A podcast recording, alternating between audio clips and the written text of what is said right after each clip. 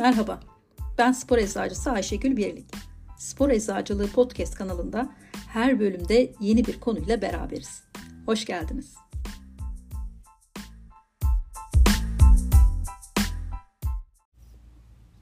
...110. Fransa bisiklet turu bu yayın sizlere ulaşmadan bir gün önce yani dün 1 Temmuz itibariyle start almış olacak. Bilbao ve San Sebastian'da finişleri olan iki dağ etabı ile Bask bölgesinde başlayan bir Grand Depart yani. Yarış güneybatı köşesinden Fransa'ya ve 5. ve 6. günlerde iki yüksek dağ etabı için doğrudan Pirenelere gidecek. Tur 23 Temmuz tarihinde klasik Paris Şanzelize'de finish görecek. Hem finişte hem de tur boyunca geçilen yerlerdeki görsel şöleni kaçırmayın derim. 22 takımda 176 elit bisikletçi yarışıyor. Yani son derece tur için antrenmanlı profesyonel biniciler. 3 hafta süren 21 etaplı ve toplamda 3408 kilometrelik sadece arada 2 gün dinlenme verilen yani oldukça zorlayıcı bir endurance yarış bu. Ve fiziksel ve mental dayanıklılığı en yüksek olan sporcu tur şampiyonu olarak sarı mayoyu kazanacak. Takip edenler bilir. Aylardır bu tur için antrenman yapan ve son derece sınırları zorlayan dünyanın en iyi bisikletçileri burada. Tura katılan takımlar sponsorlarıyla farklı farklı bütçelerde olduğundan hemen hemen hepsi kendi diyetisyenleri, aşçıları ve mutfakları ile gezer. Her sporcunun günlük makro besin alımları ve hidrasyonu hesaplıdır ve o kişiye özel hazırlanır. Günlük bir bisikletçinin 6000 ila 9000 arası kalori harcadığı bir etap düşünüldüğünde tur sırasında beslenmenin ve gerektiğince takviye ergojenik alımının da önemi artıyor. Bu arada 9000 kalori 27 normal cheeseburger'e eşdeğer. Bu zorlu dağ etaplarında günlük 10.000 kalori civarı bir harcamaya kadar çıkılabiliyor. Havanın sıcaklığı ve nemine göre de sporcuların vücuttan su, tuz ve elektrolit kayıpları da artması kaçınılmaz bir risk. Kesinlikle yerine konmalı. Yarış sırasında potasyum ve kalsiyum gibi kemik yapıcı mineraller içeren muazzam miktarda sıvıyı terle atarlar çünkü. Bu elektrolit mineral kayıpları o kadar fazladır ki omurgalarının %10'u hatta kalça kemiklerinde %14'ü kadar bir kayıp ölçümlenmiş. Bisikletçilerle yapılan çalışmalarda kemik mineral yoğunluk ölçümlerinin düşük olmasının sebebi bu. Ve bunun kırık riskini arttırmakla birlikte hücre fonksiyonları işleyişi ve enerji sistemlerini de olumsuz etkileyeceğini söyleyebiliriz. Bisikletçiler antrenmanda kemik mineral yoğunluğu yükseltmek için bu yüzden ağırlık çalışır ve koşarlar. Elbette ki eri sporcularda normal kişilere göre antrenmana daha yüksek hücresel ve kassal adaptasyonlar var ve vücudun enerji ve performans üretim durumu elit sporcuya özel bir durum. Burada genetiğin ne kadar etkili olduğu da son yıllarda yapılan araştırma konusu. 200'e yakın performans geni e, tespit edilmesine rağmen bunların hangisinin performansta ve bisikletçilerde özellikle daha üstün olduğuna dair çalışmalar devam ediyor. Ancak spor ve genetik konusunu başka bir bölüme bırakıp bu bölümdeki asıl konuya geçelim. Bu süper insanlar ne yer ne içer. Bu kadar dağı yolu bisiklet sırtında kilometrelerce gitmenin sırrı nedir? Bu arada minik bir hatırlatma. İlerleyen günlerde Fransa turu profesyonel bisiklette yasaklı madde yani doping konulu bölüm geliyor. Lütfen takipte kalın. Bu bölümde sadece legal ergojenik takviyeler ve diğer gıda takviyelerine değineceğim. Bu yüzden doping yani ilaç ile karıştırmayalım. O tamamen ayrı bir konu ve sporun karanlık yüzü. Öncelikle beslenme. Makro ve mikro besinlerin ölçülü bir şekilde sporcularda karşılanması bu elit bisiklet sporunda da son derece önemli ve hassas bir konu. 3 haftalık yarış birçok dağ geçidi ve dağ zirvesi finişleri içeriyor. Enerji harcaması ortalama bir insanın 2 ila 4 katı olabilir ve enerji dengesini sağlayacak kadar yemek yemek de çok zor olabiliyor. Fransa turu sırasında hızlı bir şekilde kilo vermek erken yorgunluk, güç ve dayanıklılık kaybı anlamına geliyor ve bu yarıştan da erken elenmek demek. Bu nedenle bisikletçiler için günlük zorluklardan biri enerji alımının yeterli olduğundan emin olmaktır. Tur sırasında enerji alımları ve bazı günlerde enerji dengesinde kalmak zor. Bunun nedeni kısmen bisikletçilerin bisiklet üzerinde çok fazla zaman geçirmesi ve oturup çok büyük bir öğün tüketmek için daha az zamanlarının olması. Bisikletteki enerji alımının ancak %15'i yarış sırasında alınabiliyor. Beslenme ile enerji alımı tamamen profesyonel bir beslenme desteği gerektiriyor ve tek başına da yetmiyor. Tahmin edeceğiniz üzere protein şekleri, proteinli kekler, karbonhidrat için enerji jelleri, enerji barları, sporcu içecekleri ve elektrolit tozları sahnede.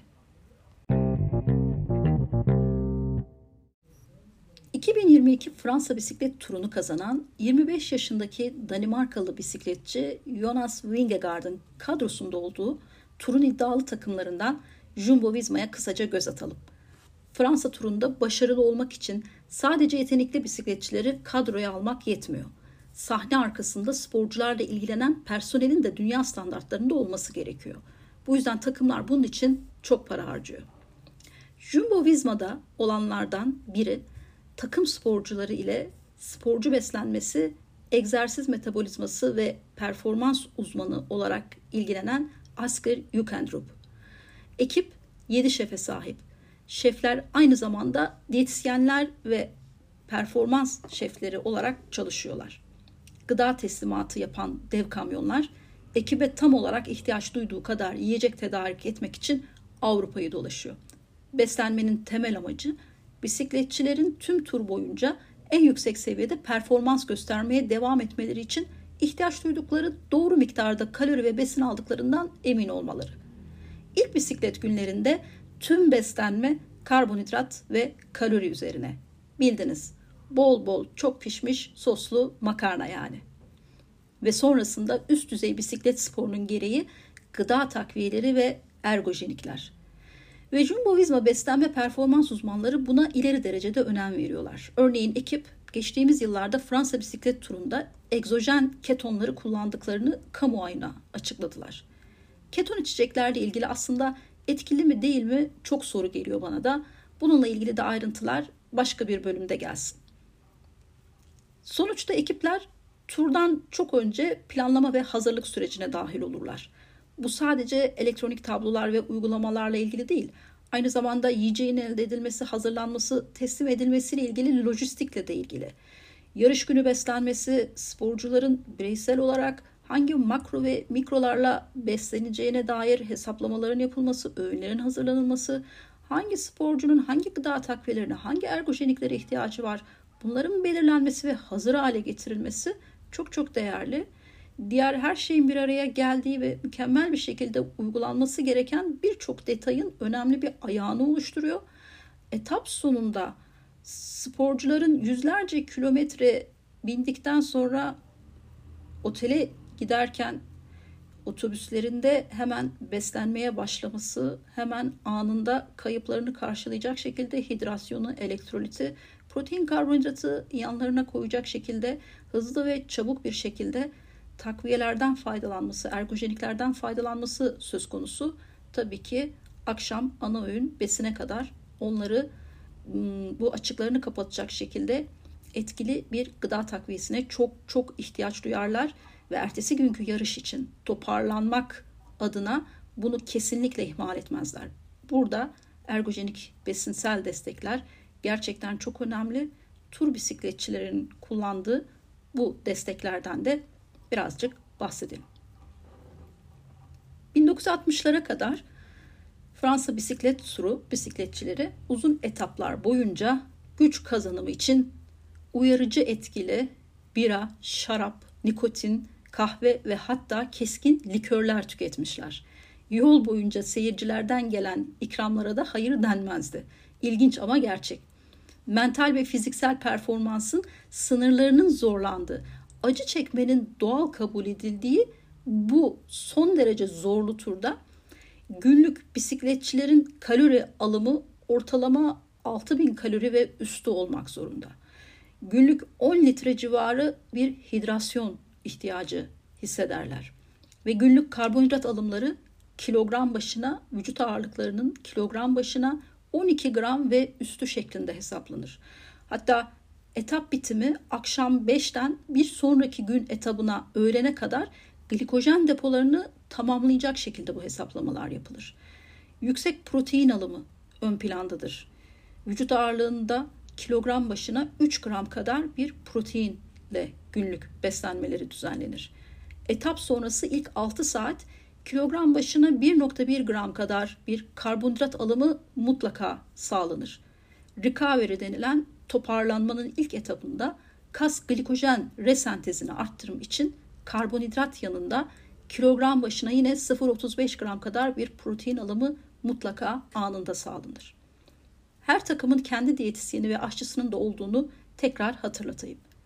Bu önemli beslenmenin yanında legal performans arttırıcı takviyelerde bisikletçilerin vazgeçilmezi demiştik.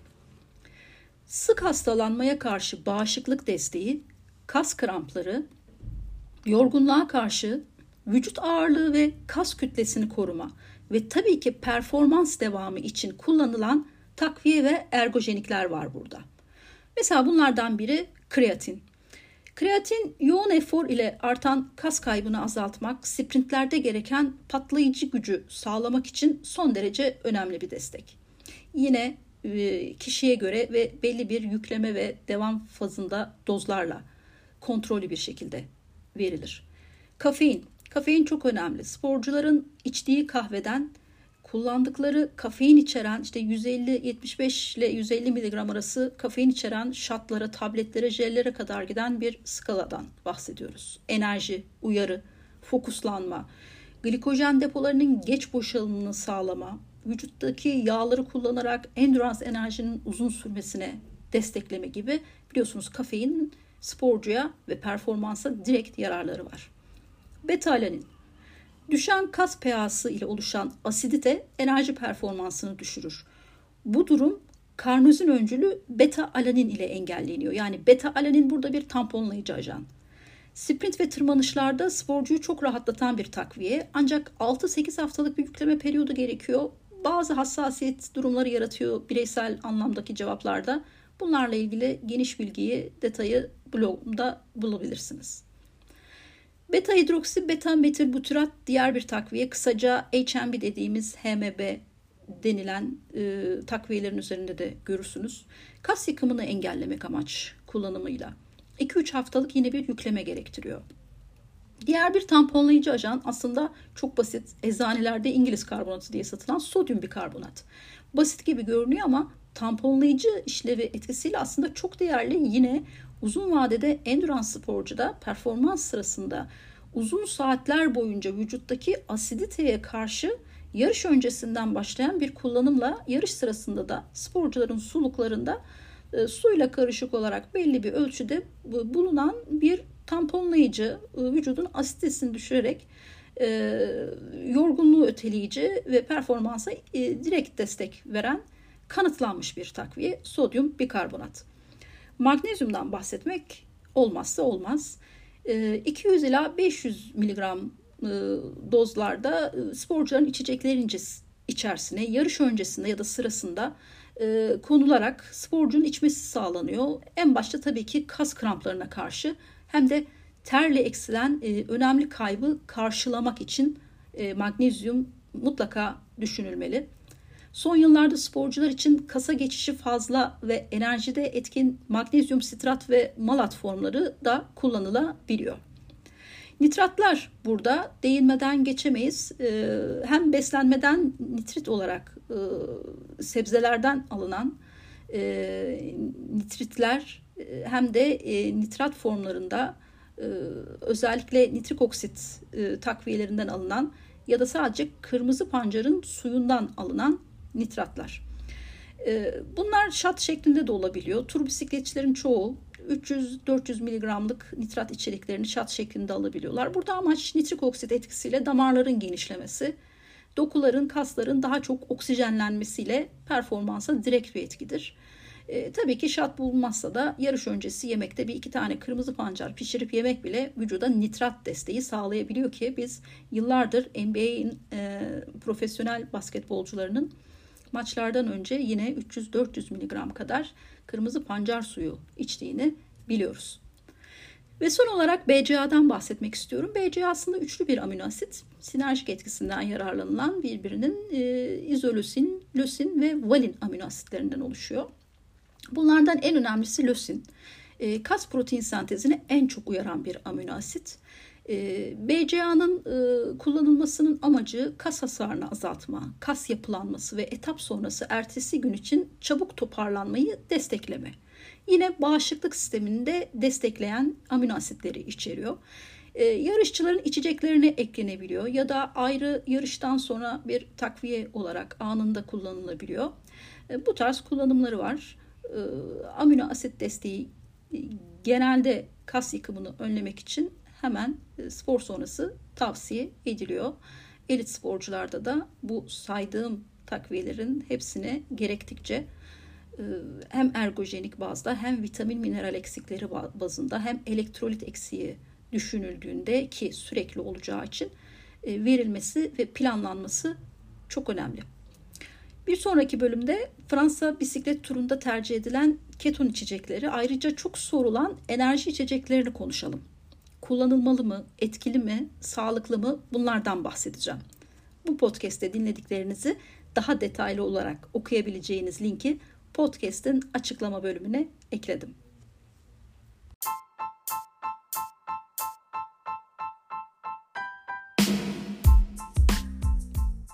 Sağlıklı spor, enerji ve performansta doğru ve etkin takviye kullanımı ve tabii ki temiz spor için spor eczacılarınız bu kanalda. Bir sonraki bölümde görüşmek üzere. Sporla ve sağlıkla kalın.